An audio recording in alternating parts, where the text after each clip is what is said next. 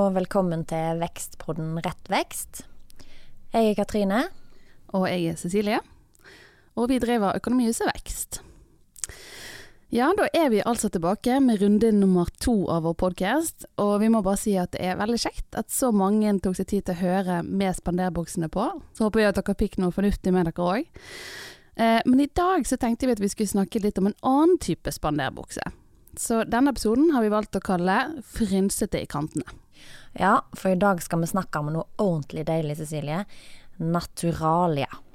Ja, og det er jo best kjent som frynsegoder blant folk flest, eller naturalytelser, som det heter på ordentlig regnskapsk. Ja, alle ord høres liksom litt mindre sexy ut på regnskapsk. Et annet eksempel er moms. Det er jo et ganske koselig ord. Eh, det er jo til og med en del av eh, bamsemoms. Mm, godt. Men på regnskapsk så heter det altså merverdiavgift. Og det er jo ikke koselig en plass. Nei, og så har du dysj. Det er jo et flott ord. Det høres nesten litt sånn fransk ut. Men vet du hva det heter på regnskapsk? Nei. Regnskap. Tok det? Ah, en liten regnskapsvits der, altså, så du klarte å snike inn. Eh, men altså, tilbake til naturalytelser. Eh, hva betyr egentlig en naturalytelse? Jo, altså. Det er en ytelse som ikke gis i form av kontanter eller andre lignende betalingsmidler. Eh, så du må altså få noe som ikke ligner på penger? Nettopp. Men det trenger ikke være noe du faktisk får. Det kan være noe du får billigere, og da er det rabatten som blir naturalytelsen. Og så kommer da 1000-kronerspørsmålet. Må en betale skatt og arbeidsgiveravgift på natural, naturalytelser? Det er vanskelig ord, det der. Men i utgangspunktet ja. Eh, det, så det er egentlig ingen forskjell på om man får penger eller en naturalytelse. Men, det er jo alltid et men, så det finnes jo unntak. Jeg elsker unntak.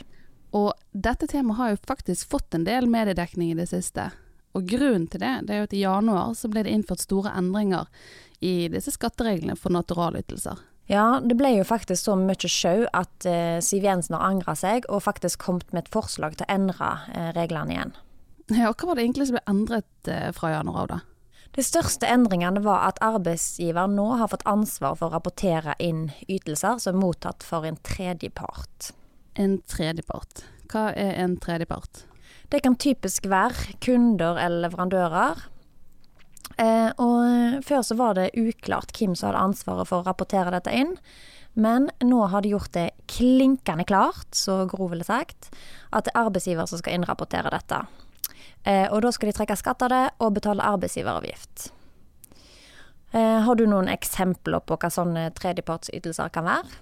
Ja, det er jo klart jeg har det. Det kan være gaver, turer, både inn- og utland, konserter, eh, arrangementer i, som idrettsstevner og sånt. Men det som har vært den største snakkisen, da, er jo disse berømmelige bonuspoengene. Ja, og det det er snakk om her er altså bonuspoeng som er opptjent i forbindelse med arbeid, men som benyttes privat. Eh, og det virker som det har vært en liten misforståelse vedrørende endringen her. For det at eh, mange har trodd at det er først nå det har blitt skattepliktig, men det stemmer jo ikke. Nei, det gjør det jo ikke, for det var skattepliktig fra før av det òg. Men i praksis så var det ikke så veldig mange som tok dette med på selvangivelsen sin. Så derfor ble det bestemt at arbeidsgiver skulle få den herlige gleden av å få ansvaret for dette. Ja, og det er jo mildt sagt ganske utfordrende. Eh, for det første så har jo gjerne de fleste av oss kun ett bonuskort. Eh, og da må en jo holde oversikt på hvem som eh, hva tid man har opptjent eh, disse poengene. Er det når man har vært på privatreise, eller er det når man har vært på jobbreise? Og så, når en bruker poengene, så må en jo vite hvilke poeng var det brukte nå. Var det de som var opptjent privat eller via jobbreiser? Og hvis det var opptjent via jobbreiser, så må jo òg arbeidsgiver få opplysning om hva de skal innrapportere. Eh, og hva er det egentlig man faktisk skal skatte av her? Reglene er jo sånn at naturalytelser de skal verdsettes til omsetningsverdi i sluttbrukermarkedet på det tidspunktet varen eller tjenesten ble mottatt. Så det er jo enkelt og greit, eller kanskje ikke så enkelt? Nei, det vil jeg ikke si, for det kan være ganske utfordrende i eh, noen tilfeller. Så her er det jo altså veldig mye å holde rede på. Eh, så det enkleste er kanskje her å bestemme at det er ikke lov å bruke poeng til privatreiser, eller at reiser kun bestilles på arbeidsgiver sitt kort. Ja. Men så er det jo ikke sånn at alle ytelser man får fra en såkalt tredjepart er skattepliktig. Og det må jo faktisk avgjøres i hvert enkelt tilfelle. Og så er det arbeidsgiver som må gjøre den vurderingen. Og f.eks. hvis en ansatt har vært med på tur og utført faktiske, konkrete arbeidsoppgaver, så er det ikke sikkert at du må skatte for det. Men hvis det er en tur av kun sosial karakter, så vil nok man måtte skatte for det. Kjedelige greier. Ja. Ja, og så En annen endring som ble gjort, eh, det var på personalrabatter. Eh, og Problemet med reglene her var at de var til dels veldig skjønnsmessige, og her var det behov for å konkretisere reglene, og pluss å hive ansvaret for rapporteringen over på arbeidsgiver. Og her prøvde de seg med noen skikkelig kjipe greier, eh, og da ble det så mye ramaskrik at de måtte ta en ny runde på kammerset.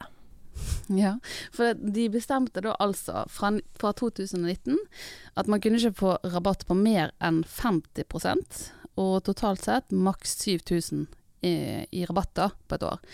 Men etter at de hadde hatt seg noen runder på kammerset, så ser det ut som at den 50 %-grensen forsvinner, og at beløpsgrensen den går opp fra hele 7 til 8000. Så her tok de godt i. Ja, det var flotte greier. Og foruten dette her med gaver fra tredjepart, eh, så er det òg noen endringer i forhold til gaver generelt. Eh, det er gjort både justering på de skattefrie beløpene, men òg endringer i forhold til vilkårene for å motta de enkelte gavene.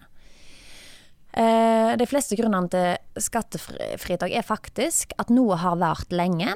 Enten at bedriften har vart lenge, eller at de ansatte har vart lenge. Det er veldig kjekt når de ansatte varer lenger, da. Og, og lang tjenestetid er jo litt festlig. Eh, og her er beløpet uendret. Det var 8000 før og 8000 nå. Men før så hadde man mulighet til å gi en litt dyrere gave. Men da måtte du gi en helt konkret, spesifikk gave. Og det var en gullklokke med inskripsjon. Og da kunne du faktisk få 12 000 kroner hvert av den gullklokken. Ja, så den kan vi vel se langt etter nå. Jeg har hatt en sånn eh, nedtellingskalender hjemme jeg, med antall år til gullklokka, men eh, den kan jeg jo bare bosse nå. Ja, og i og med at vekst snart er åtte år, så var du faktisk ikke så langt unna. Ja, det er sant. ja. Nei, det er triste greier. Men det som er positivt nå, da, det er det at før så måtte du jobbe 25 år for å kunne få gave, men nå slipper du unna med bare 20 år. Ja, det er jo kjekt. Eh, og ellers så går det meste ut på at man nå kan få 4000 kroner i gave istedenfor 3000 når bedriften har bestått i 25 år, eller antallet som deler med 25, eller når en fyller 50, 60, 70, 75 eller 80 år, eller når en pensjonerer seg eller slutter i bedriften etter minst ti år. Ja, så det, det som er viktig å huske her, det er vel egentlig at alt skal kunne være delelig med 25? Eller noe sånt? Eh, ja, et eller annet. Jeg vet ikke. Matte er vanskelig. ja. Men så har det vært en annen liten sånn regel som var veldig morsom. Og det var hvis man hadde en sinnssykt god idé og pitchet den inn til selskapet, og de faktisk eh, brukte den ideen til noe, da, så kunne man faktisk få 2500 kroner i premie. Men nå har de bestemt at det var ikke en så god regel, så nå har de tatt vekk den, og så istedenfor så får du kun et skattefritt klapp på skulderen. Ja, ikke verst. Mm. Eh, og i tillegg eh, så kan det faktisk se ut som nå at eh, beløpsgrensen for å gi gaver til ansatte sånn generelt i løpet av året økes fra 1000 til 2000 kroner per år. Eh, og den beløpsgrensa har ikke vært endra siden 2009, så det er jo kanskje litt på tide. Så da kan vi hoppe på noen ekstra store påskeegg i år, eller? Ja, det spørs jo hvor kjappe de er å bestemme seg. Det kan jo hende du må vente på en stor marsipangris. Jeg er ikke så glad i marsipan. Ja. Um, ellers er det overtidsmat, da. Før så var det sånn at uh, man måtte være vekke fra hjemmet i mer enn tolv timer. Men uh, nå er det sånn at uh, det man må gjøre, er at man må jobbe i minst ti timer sammenhengende. Eh, og før så var beløpsgrensen avhengig av om det var arbeidsgiveren som betalte, altså om du trakk det rett på kontoen til sjefen din, eller om det var du sjøl som betalte. Og det er jo bare helt sykt. Eh, men nå er det sånn at det er 200 kroner som er grensen, og det spiller ingen rolle om det var du eller sjefen som betalte. Men det som er viktig å huske på, da, det er at man er nødt til å spise før de ti timene har gått. For det er ikke sånn at du kan måtte, jobbe på spreng og være helt utkjørt, og så skal du ut og spise og kose deg med sushi etterpå. Det går liksom ikke. Ja, det spørs når du klarer å få noe sushi til 200 kroner. Men eh, før så fikk du jo knapt lov til å kjøpe en Fjordland, eh, så nå kan du faktisk få kjøpt deg en burger eller en tallerken med husmannskost om du er heldig. Ja, og så har det jo skjedd litt endringer når det gjelder fri avis. Eh, før var regelen at du måtte ha et spesielt informasjonsbehov. Eh, og da kunne du få ett eller flere abonnementer dekket skattefritt, men du måtte sjøl abonnere på én dagsavis, da. Men nå er altså kravet kun at du må ha tjenestelig behov for ett eller flere abonnementer, og du trenger faktisk ikke lenger abonnere på en avis. Nei, og i tillegg så er skattefritaket fjerna for matkuponger. Denne bestemmelsen var lite anvendt og framsto som utdatert. Eh, så vidt jeg vet, så var vel mest i krigen man holdt på med sånne kuponger. Var ikke det? Altså, den regelen der har jeg rett og slett ikke fått med meg at fantes. Eh, og så òg eh, skattefritak for tilskudd til barnehageplass eh, tatt vekk. Så eh, oppsummert kan vi vel si at naturalytelser det er spennende greier. Det består av mye tall og beløpsgrenser, og jeg skjønner det at vi er nødt til å snakke litt mer om dette en annen gang. Ja, det er vi nødt til. Eh, og hvis noen har noen spørsmål rundt dette som de ønsker vi skal ta opp, så hadde det vært veldig gøy om eh, vi kunne fått noen meldinger på Facebook eller på hjemmesida vår. Ja, og den er fortsatt www.vkst.no. Stemmer. Yes, så da gjenstår det egentlig bare å si tusen takk for i dag. Ha en fortsatt fin dag.